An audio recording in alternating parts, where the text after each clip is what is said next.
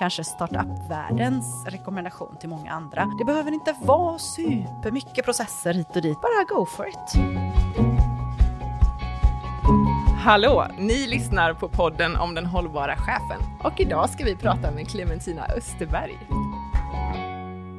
Hej Clementina! Hej Linda! Vad kul att vara här! Det är jättekul att ha dig här.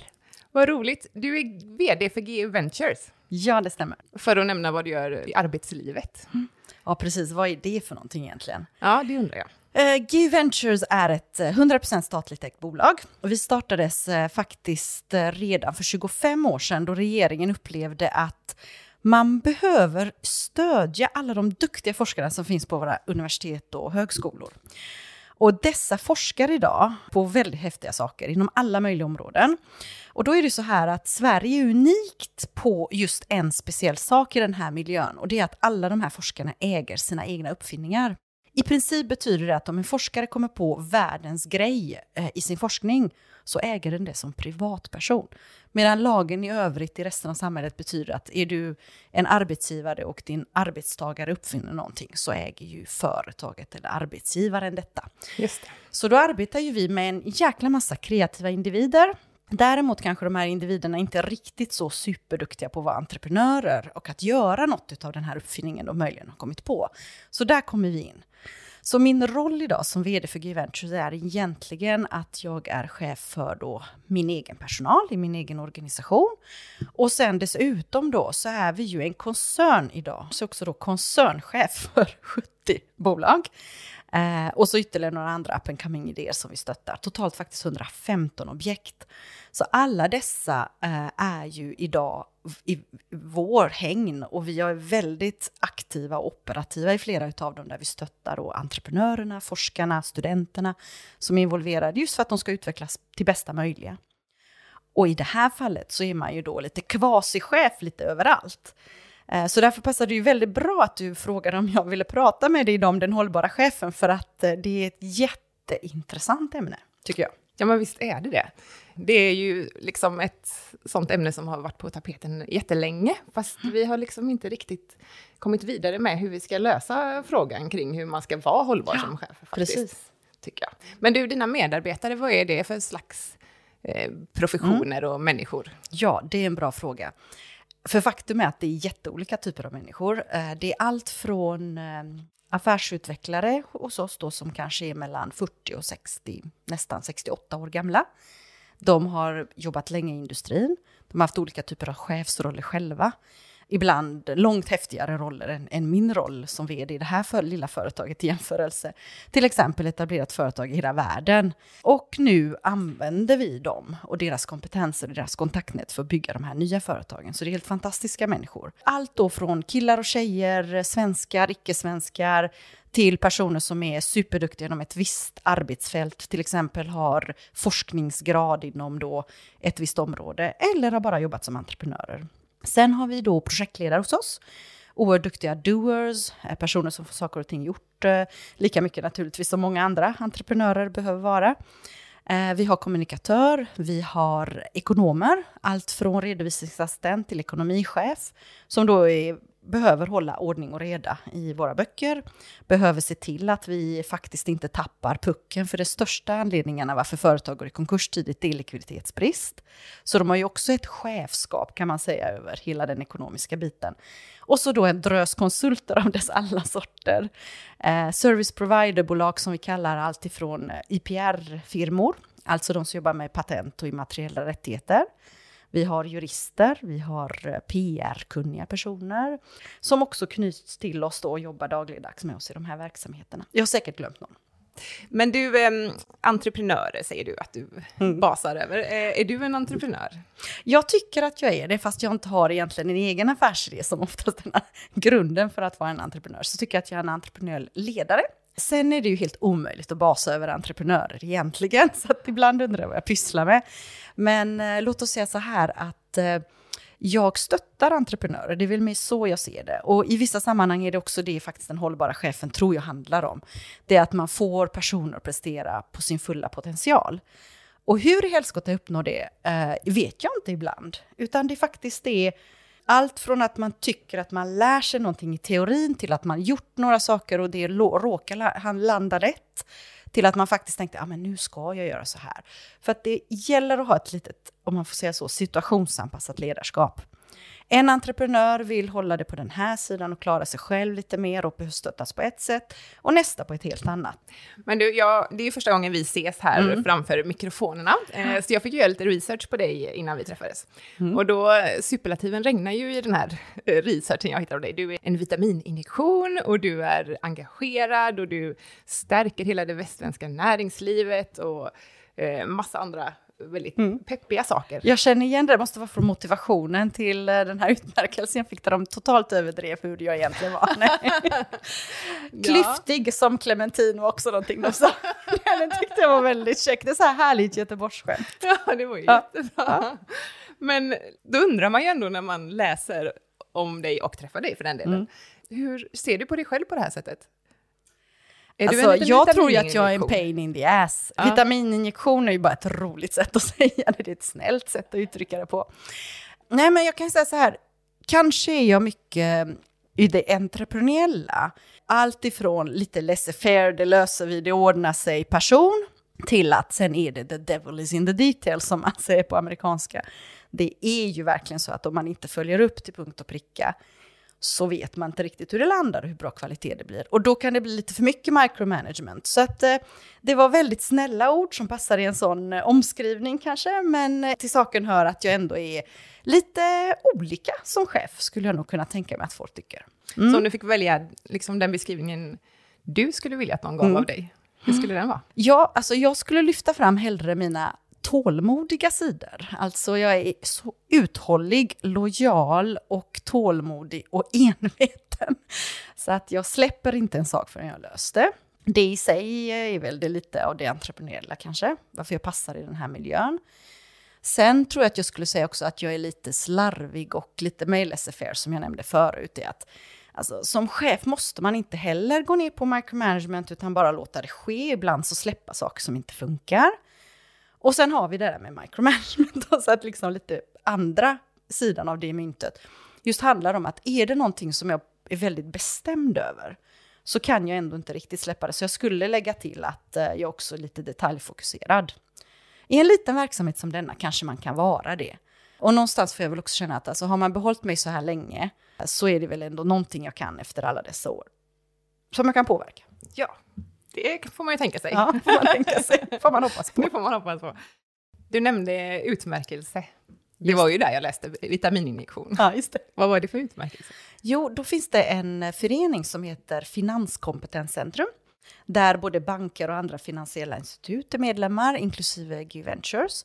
Och eh, vi investerar då i våra företag, så vi är ju den investeraren som kanske kommer in allra först. Och den här grupperingen har då varje år eh, som vana att utse årets finansprofil och lyfta upp någon.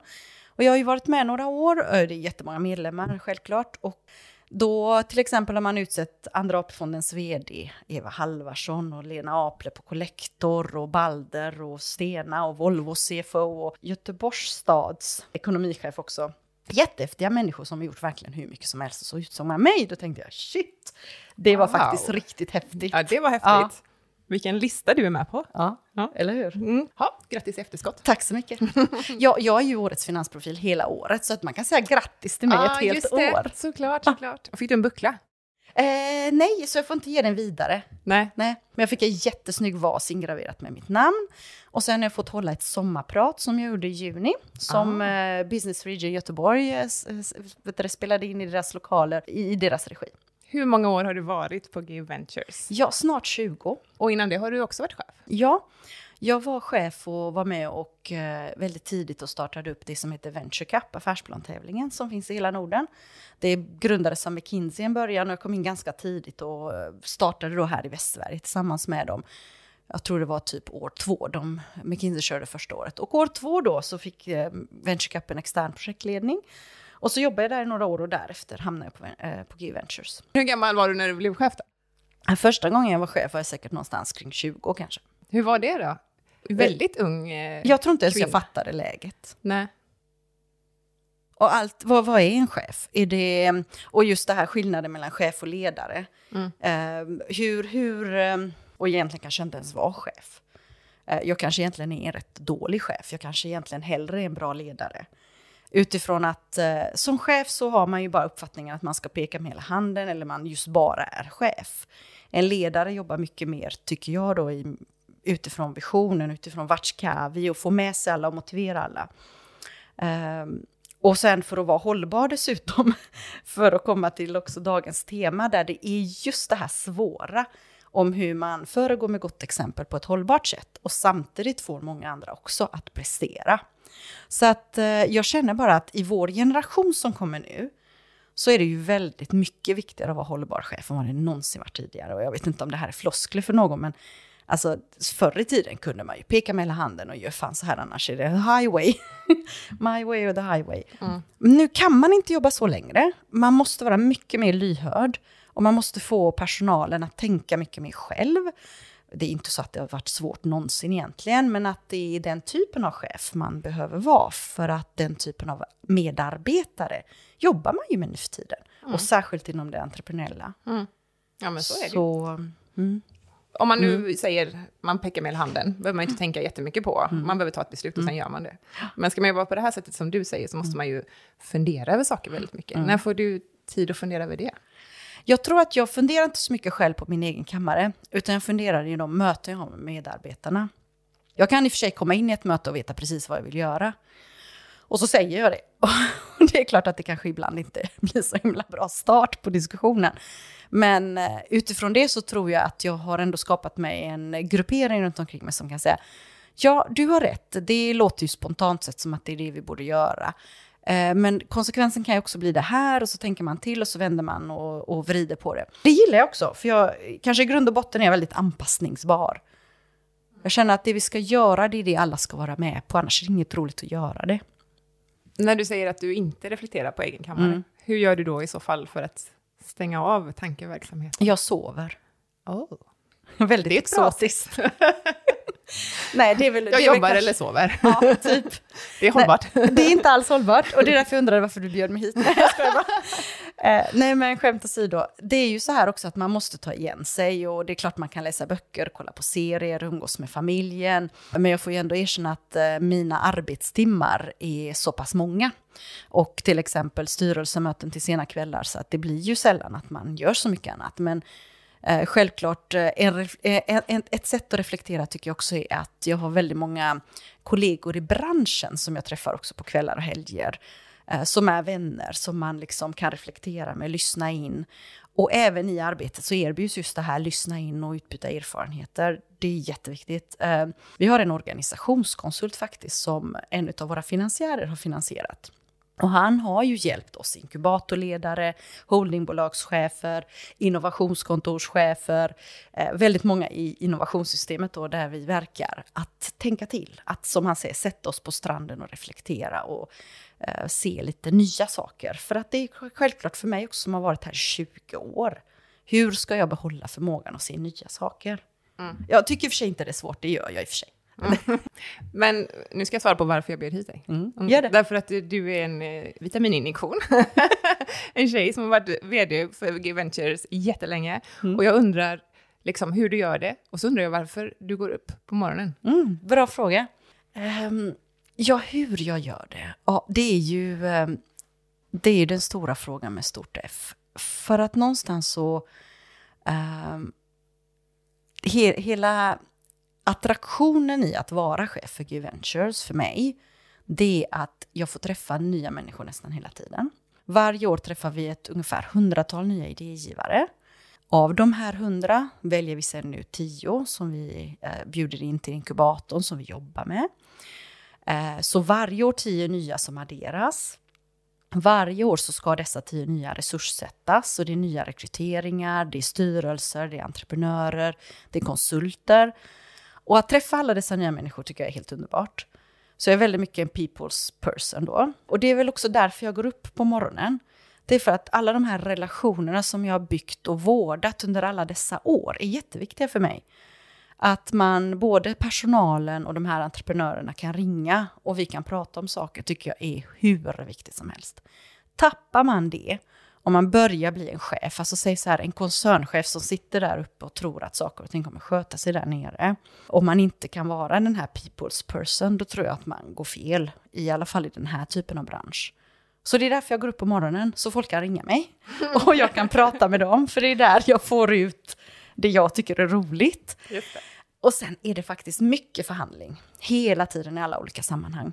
Från dag ett, hur vi ska ta in investerare, hur kunderna ska förhandlas med, vilken affär vi ska erbjuda dem. Och det här är, det tycker jag är jättespännande. Och tänka alla olika applikationsområden som finns. Alltså tänka även de som inte man har tänkt än. Eh, så det gäller att bli kreativ och kunna få lugn och ro och vara kreativ, trots att det tycker jag är faktiskt oftast en väldigt stressig situation. Så det tycker jag är en utmaning, vilket gör att jag hänger kvar. Liksom. Men har du, har du haft någon period när du har känt tvärtom? Ja, oh ja. Alltså herregud ibland vilka tölpar man får jobba med. Det måste man erkänna. Ja, allt från åldersdiskriminering. Jag tror att det är egentligen den värsta. Jag blev ju vd då när jag var kring 30-32, tror jag. Könsdiskriminering. Maktspel. Kanske den tredje som är den mest frekventa. Det jobbar vi, det har man ju hela tiden. Och sen så självklart just det här med att lyssna på personalen och någonstans ändå känna att man inte är en papperskorg. För jag tycker att chefer tenderar att bli så här, ju, särskilt lyhörda, som vill lyssna in vad folk tycker. Att det blir så att liksom, man bara lyssnar och så lyssnar man och så får, blir man till slut en papperskorg. Alla personer som öppnar sitt hjärta om det här är min situation. Och så försöker man då vara schysst som chef och human. Så tenderar man ju också då liksom lite grann lyssna in kanske för mycket och bli mindre en chef utan bli mer en medmänniska. Jag tycker det är jätteviktigt att vara medmänniska men samtidigt ska det ändå inte ta över det här arbetssituationen man har. Men det kanske Sant, är mer svaret. Ja, det är en balans där. Hur mm. blir det hållbart? Mm. Nu är jag nyfiken på det här som du nämnde, att du har jobbat med mycket tölpar. Vad, kan du berätta om någon situation? Mm.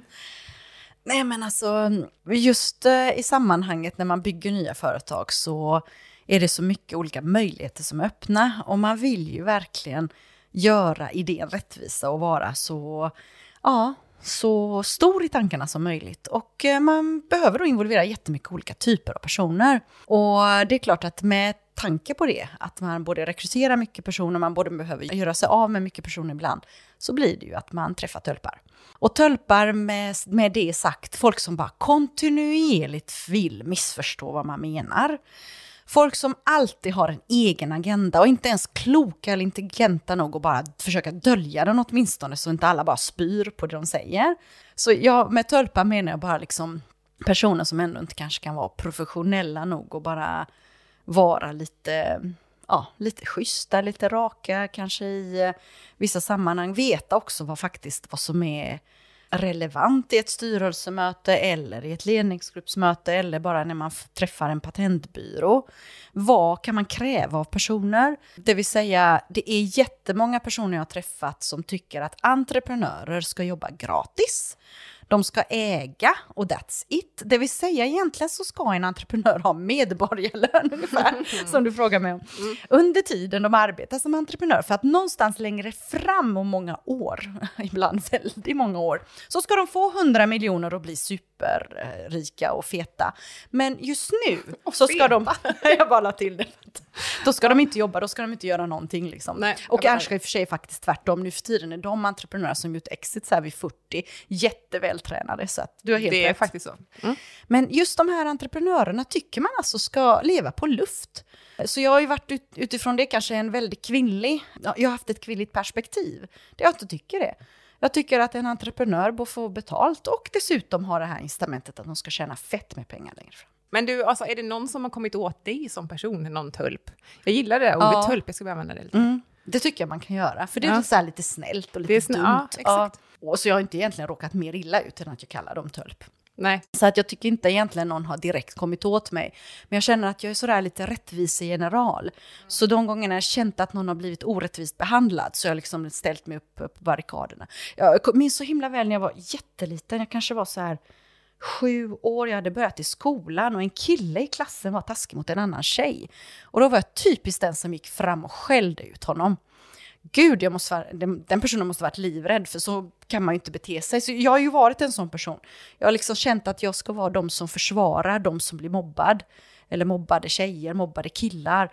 Så får man inte göra, man liksom får respektera varandra. Folk kan ju tycka så här, herregud vilken tölp jag är, när jag beter mig så. Men, men, samtidigt då så känner jag just det här med rättvisan. Att eh, man vill inte bli orättvist behandlad. Och jag har också själv blivit orättvist behandlad. Allt från skolan till eh, kanske inte så mycket senare i skolan, eh, men eh, också i arbetslivet då. Där man tänker så här, flera har kallat mig men snälla lilla Clementina. Och då blir jag ju galen. Eh, sen har man ju kallat mig, åh men du, du som är så ung. Lite den, mm. den stilen. Snark. Så det är därför jag menar liksom att, alltså varför peka på ålder eller kön eller något sånt här? Utan lyssna på sakfrågan. Jag, jag älskar att vara sakfokuserad. Jag vill själv inte kommentera folks utseende eller varifrån de kommer eller vad de har gjort egentligen. Jag vill kommentera sakfrågan. Och om man inte gör det, då blir jag jävligt arg. Men alltså, du är ju en liksom, stark person. Ja, och det kan vara skrämmande i sig. När någon har behandlat dig annorlunda för att du är kvinna till exempel. Mm. Någon gång måste det väl, någon, det har kommit åt dig på ett sånt sätt så att du har hittat en strategi för nästa gång? Nej, faktiskt inte. Alltså, jag måste för sig säga så här. Jag är nog en av de få som kanske just inte råkat få eh, den typen av kvinnodiskriminerande eh, saker på mig. Eh, det har varit mycket mer lilla du, eh, den, den stilen. Eh, kanske i och för sig har med kvinnor jag har bara inte resonerat som så. Men nej, så jag vet faktiskt inte vad jag skulle göra om det handlade om det. Däremot så är jag bara i grunden så här att jag är direkt på påpekar, till exempel i veckan bara. I ett protokoll när någon skriver justeringsman så tänker jag aldrig acceptera, det ska stå justerare. Inte för att jag måste prata hen, men det ska hela tiden vara ett kvinnoperspektiv också. Jag älskar de som faktiskt lyfter den här frågan och orkar bråka om det och kämpa på. Till exempel en av mina idoler, Malin Frithiofsson, en jätteung tjej. Nu, nu var jag också kanske lite åldersdiskriminerad, men jag gillar just att hon är en ung tjej som står på barrikaden och jobbar på Chalmers Ventures, vår eh, systerorganisation. Och hon pratar jättemycket om hur just tech-entreprenörer och investerare diskriminerar kvinnor kontinuerligt. Vi har haft events ehm, Drivhuset senast här i stan ordnade något som heter Cash is Queen istället för Cash is King. Eh, och just där liksom man lyfter fram det här. Men, men jag har själv inte någon sorts sköld där jag kan använda det här. Men om jag skulle tänka att man borde ha det eh, och jag kanske har, har någon form av sköld så är det bara just det här att reagera direkt och inte ta det personligt. Och det är ju alltid lättare sagt än gjort, herregud, vem reagerar inte personligt, eller hur? Så är det Det är jättesvårt att mm. hålla det ifrån sig. Ibland. Ibland är det ju ganska lätt. Ja, ibland är det lätt. Mm. Men bestämmer man sig för att det där har mer att göra med dig än med mig, att det är så man, man måste se det, liksom, man måste typ lyfta sig bort från diskussionen. Mm. Eh, för det har faktiskt inte någonting att göra överhuvudtaget med vilket kön du har. Inte heller ibland vilken ålder du har då. Nej. Faktiskt man har ju fått det så många gånger, den här just, eh, ja men du, kan inte du ta? Och så ska mm. man göra någonting som andra människor med ens egen befattning inte gör. Och jag var ganska ung när jag fick mitt första chefsjobb, men ändå inte så ung. Fast jag får höra det, jag får höra det fortfarande, och nu är jag ju verkligen inte ung. Det är lite konstigt. Och varför är det så? Även den här, eh, så förutom ålder och kön, och jag hade ju egentligen inget av något rätt när jag fick mitt första chefsjobb då, jätteung tjej och skulle leda då 60-åriga herrar eh, i sina bästa år. Så då hade jag till exempel en chef tidigare före mig då som var vd för eh, GU Holding som vi hette på den tiden. Som naturligtvis hade alla möjliga förmåner, parkeringsplats, you name it. Men samtidigt när jag kom in som chef och styrelsen erbjuder mig jobbet, då hade man ju aldrig tänkt att man skulle ha det här. Jag är ju ung och tjej. Hmm. Det var säkert inte meningen, men det ligger någonstans där. Ja, ja, visst. Nej, det här ogillas. Ja. Alltså jag är jättepeppad nu efter att ha pratat med dig. Mm. Nu vill jag liksom ut och förändra världen. Eh, det är jättekul. Men då undrar jag också, det finns ju alltid en baksida på något mm. sätt. Mm. Alltså några mjuka fläckar eller att man... Mm. Det är svårt mm. att vara hållbar faktiskt. Mm. Ju. Och du Håller jobbar ju mycket, med. hör jag. Hur har du hanterat det och hur har det varit? Ja, vi börjar med sista frågan först. Ja, hur har det varit? Alltså jag tror att de som jag offrat mest på det här är ju självklart eh, tyvärr min familj. Eh, jag har en jättehärlig förstående man. Förvisso är jag en entreprenör och jobbar jättemycket själv, men vi, vi löser den här situationen jättebra. Ingen av oss gnäller på den andra av den orsaken. Det finns annat att gnälla på, till exempel. Ja, jag ska inte nämna några exempel. Eh, men det betyder ju att ehm, det är ju familjeoffrat, men, men, men samtidigt säger folk, men vadå, vad säger du offrat liksom? Jag har ju faktiskt tre barn, de är helt fantastiska. Jag umgås trots allt ändå jättemycket med dem jämfört med vad kanske många andra tror. Vi har helt enkelt en fantastisk familj, men jag ser ju ändå att jag offrat många timmar med min familj. Jag födde på en lördag, var tillbaka på jobbet på måndag. Det tycker folk är helt sjukt i huvudet. Det är helt sjukt. Ja, det var det också. Sen blev jag mammaledig för sig, alltså på deltid ändå. Men eh, så pass mycket kände jag för att jag klarade det här. Jag hade med min lilla bebis och eh, tog in den i styrelsemöten och naturligtvis Eh, de flesta herrar då som satt i det rummet ville gärna gosa och hålla bebisen så jag kunde stå vid tavlan och rita. Sen vet jag inte hur mycket de lyssnade på mig men det var i alla fall, alltså där, där tycker jag att där var jag så stolt över mig själv faktiskt att jag kunde skapa den här situationen. Det är ju För att jag, man kunde ju lika gärna så tänkt så här, nej gud nej jag kan inte gå och amma i ett styrelsemöte. Jo det kan jag visst det, för det finns fantastiska amningströjor och det är ingen som ser vad man gör och sen så hinner jag vara med i diskussionen, jag hinner prata och påverka och så vidare och så vidare. Så att det, det känns bra, så jag har inte offrat min familj där heller på något sätt. De Vilken har varit med i mig. livet den här, mm. vad var det, dotter? Ja, jag, jag har två döttrar och en son och mm. samtliga har varit med på det här sättet och fått stå ut och de älskar att komma till jobbet, rita på tavlan och eh, ja, egentligen träffa mina kollegor, det tycker de är jättehäftigt. Mm. Men ändå tillbaks till vad, man, vad som är baksidan utav detta, det är ju ändå då, då trots allt att jag inte alltid är hemma varje kväll. Det finns vissa heliga saker däremot, jag jobbar aldrig helger, då är vi verkligen lediga. Eh, och ehm, samtidigt så är jag också ledig rätt länge på sommarlovet, så att det är verkligen också heligt att jag är med barnen hela tiden på sommarlovet. Så att jag, det här är ändå min verklighet, jag trivs bra i den, men det är klart att eh, vem vet hur länge den håller? Snart kommer barnen bli tonåringar, eh, ja, väldigt många i vänkretsen skiljer sig. Det är ingen, ingen som vet hur länge man orkar stå ut med ett sånt här liv. Det, det måste jag erkänna. Så ibland kan jag ju klart fundera på hur länge kommer vi lyckas eller orka vara lyckliga på det här sättet? Eh, alltså tills någon av oss så. tröttnar. Liksom. Ja, ja. Och då menar du liksom de här eh, enorma antalet arbetstimmar? Ja, exakt. Mm. Precis.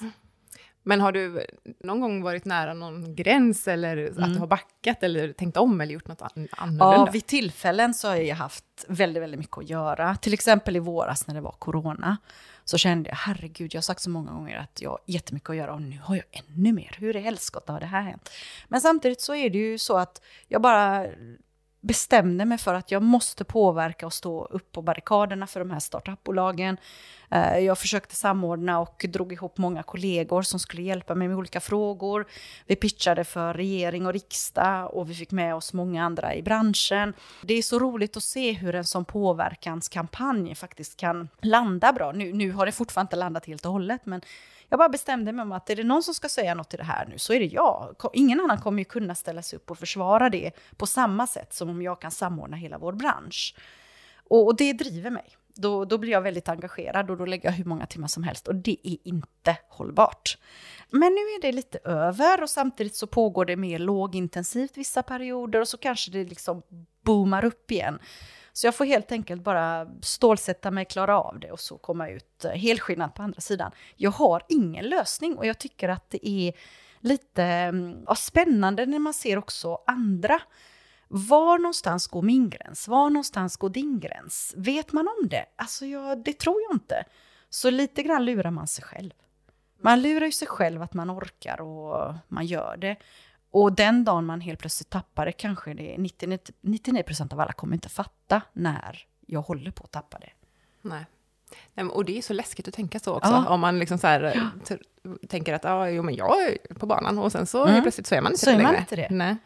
Det kanske finns någon kraft också i det här som du sa, för övrigt jättepeppigt. Om inte mm. någon, vem ska prata om inte jag? Mm. Mm. Det är ju också en, eh, måste ju också lyfta ens egen. Ja. Ta en någonstans liksom, för att eh, positiva tankar. Mm. Och det är det som, någonstans är ju hjärnan väldigt smart.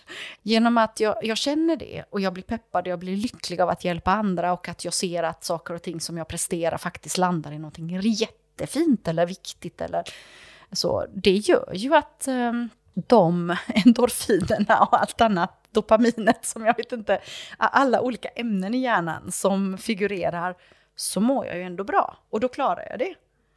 Eh, så det, det handlar också om väldigt mycket just den här självkänslan, hur, vilket självförtroende man har för att göra vissa saker och kanske också slutändan att eh, eh det jag inte klarar kanske jag väljer bort automatiskt då.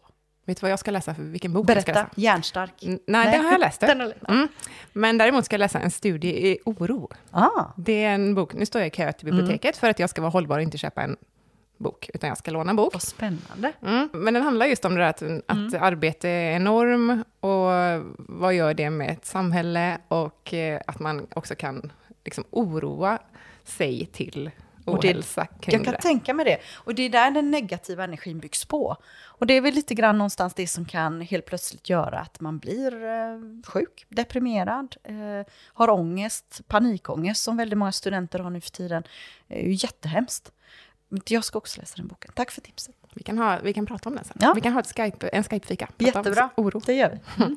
För jag oroar mig inte så mycket, måste Nej, jag säga. jag skulle precis ja. lägga till det nu. Jag tänker så här, ja. du verkar inte vara typen som oroar dig så Nej, himla mycket. jag borde vara det. Mm. Jag sitter egentligen på en chefsposition där vi har så många tillgångar som kan verkligen gå så fel. Och man har så mycket ansvar på sina axlar på ett sätt. Men nej, jag är inte orolig det tynger mig inte särskilt mycket. Och eh, jag, jag, känner att eh, det, kommer, det kommer definitivt gå fel. Och bara jag tänker den tanken så vet jag eh, också av ren statistik. 60 procent av våra företag idag är de som har överlevt hittills. Jag vet att i slutändan kommer det vara max 50 eller 40 som kommer att ha överlevt. Och det är jättelite egentligen. Så varför ska jag gå runt på jobbet och oroa mig för de där 60 som i slutändan kommer gå i putten? Det är ingen idé det kommer definitivt gå fel. Ja. Det ska jag börja tänka till jobb. Inte så här, oh, det här är så här, catch the day, och så. det kommer definitivt, definitivt gå fel. fel. Ja. och just det här med att tänka att det här kommer gå definitivt fel, så kanske man tar udden av oron.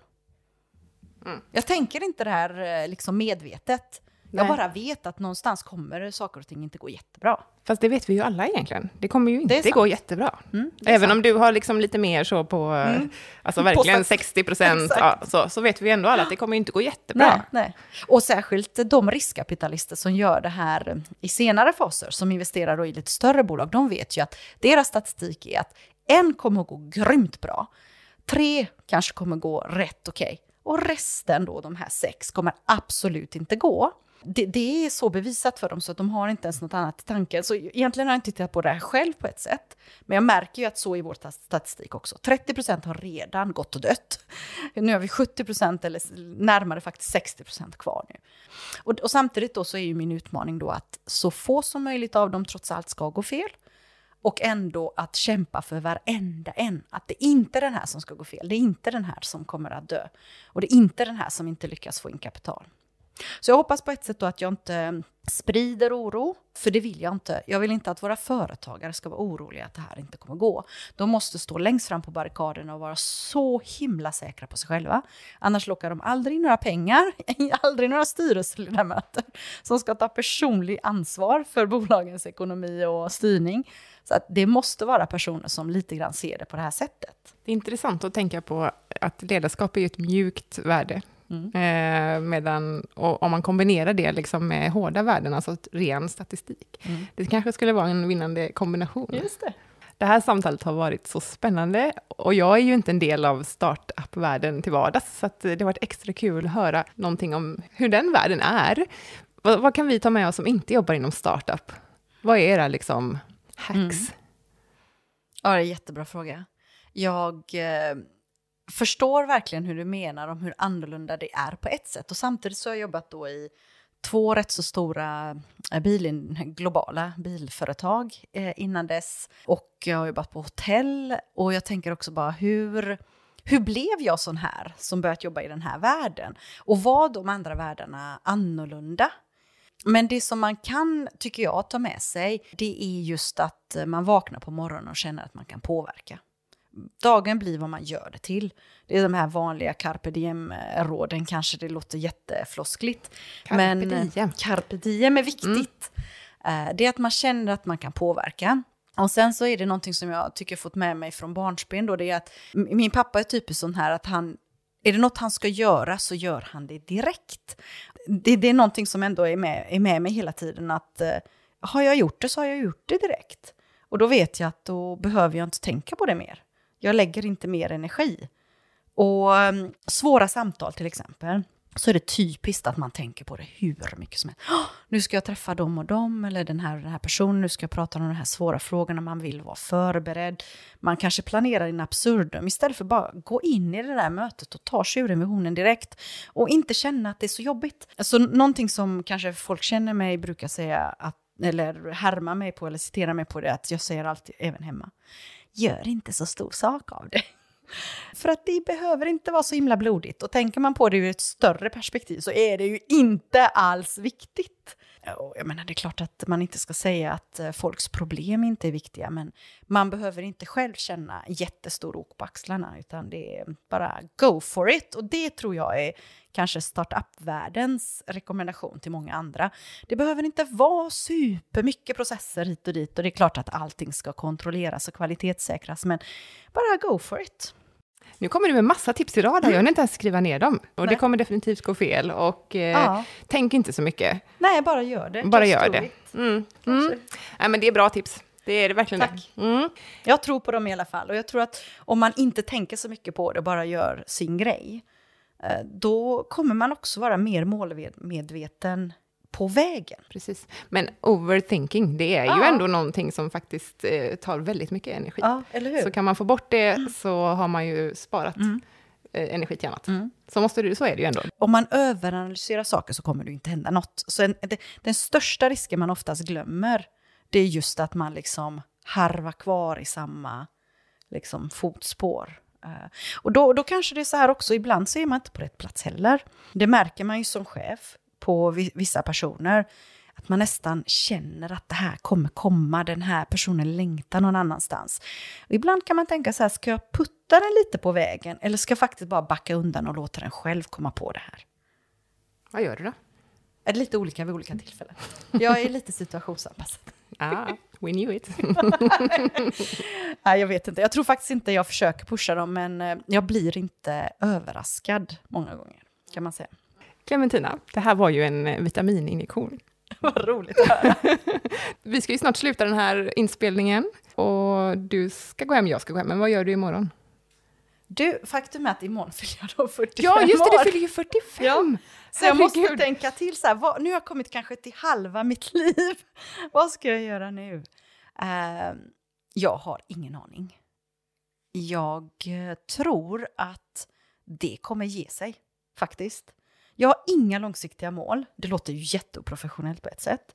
Men jag gillar det jag gör. Jag kanske fortsätter att göra det jag gör i 20 år till. Tills jag är 65. Eller tills jag är 70, vad vet jag.